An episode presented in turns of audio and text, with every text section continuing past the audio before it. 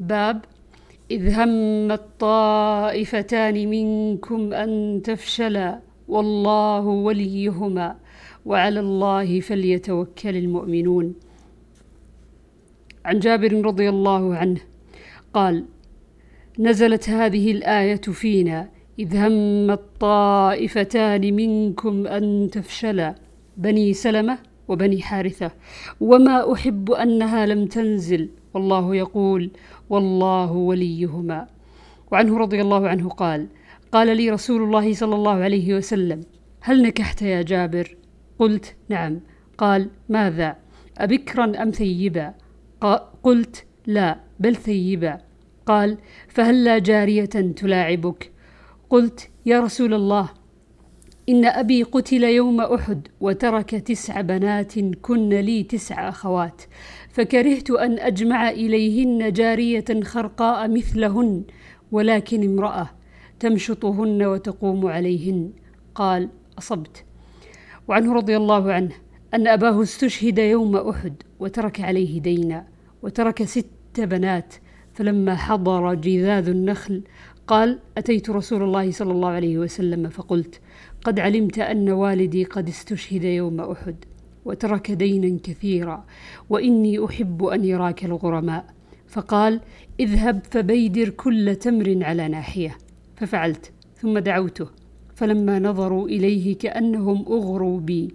تلك الساعة فلما رأى ما يصنعون أطاف حول أعظمها بيدرا ثلاث مرات ثم جلس عليه. ثم قال أدع لك أصحابك. فما زال يكيل لهم حتى أدى الله عن والدي أمانته وأنا أرضى أن يؤدي الله أمانة والدي ولا أرجع إلى أخواتي بتمرة. فسلم الله البيادر كلها وحتى إني أنظر إلى البيدر الذي كان عليه النبي صلى الله عليه وسلم كأنها لم تنقص تمرة واحدة.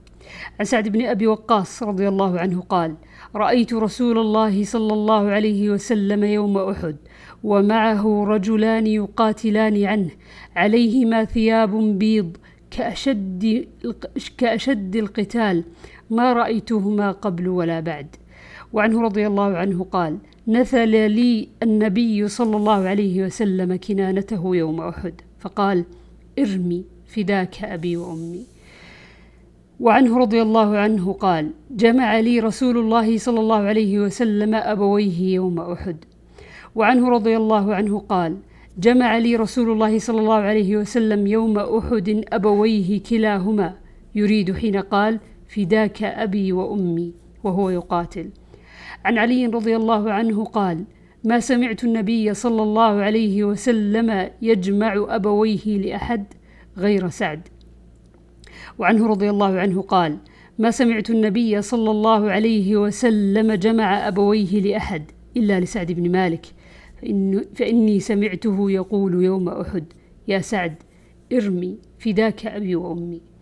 عن معتمر عن أبيه قال زعم أبو عثمان أنه لم يبق مع النبي صلى الله عليه وسلم في تلك الأيام الذي يقاتل فيهن غير طلحة وسعد عن حديثهما.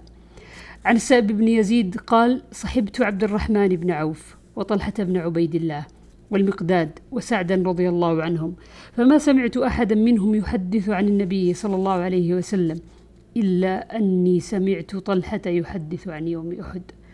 عن قيس قال رأيت يد طلحة شلاء وقى بها النبي صلى الله عليه وسلم يوم أحد.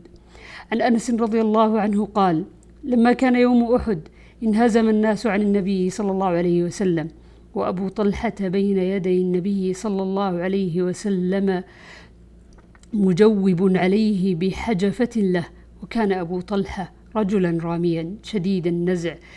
كسر يومئذ قوسين أو ثلاثة وكان الرجل يمر معه بجعبة من النبل فيقول انثرها لأبي طلحة. قال ويشرف النبي صلى الله عليه وسلم. ينظر إلى القوم فيقول أبو طلحة بأبي أنت وأمي لا تشرف يصبك سهم من سهام القوم. نحري دون نحرك. ولقد رأيت عائشة بنت أبي بكر وأم سليم وإنهما المشمرتان. أرى خدم سوقهما تنقزان القرب على متونهما تفرغانه في أفواه القوم ثم ترجعان فتملآنهما ثم تجيئان فتفرغانه في أفواه القوم.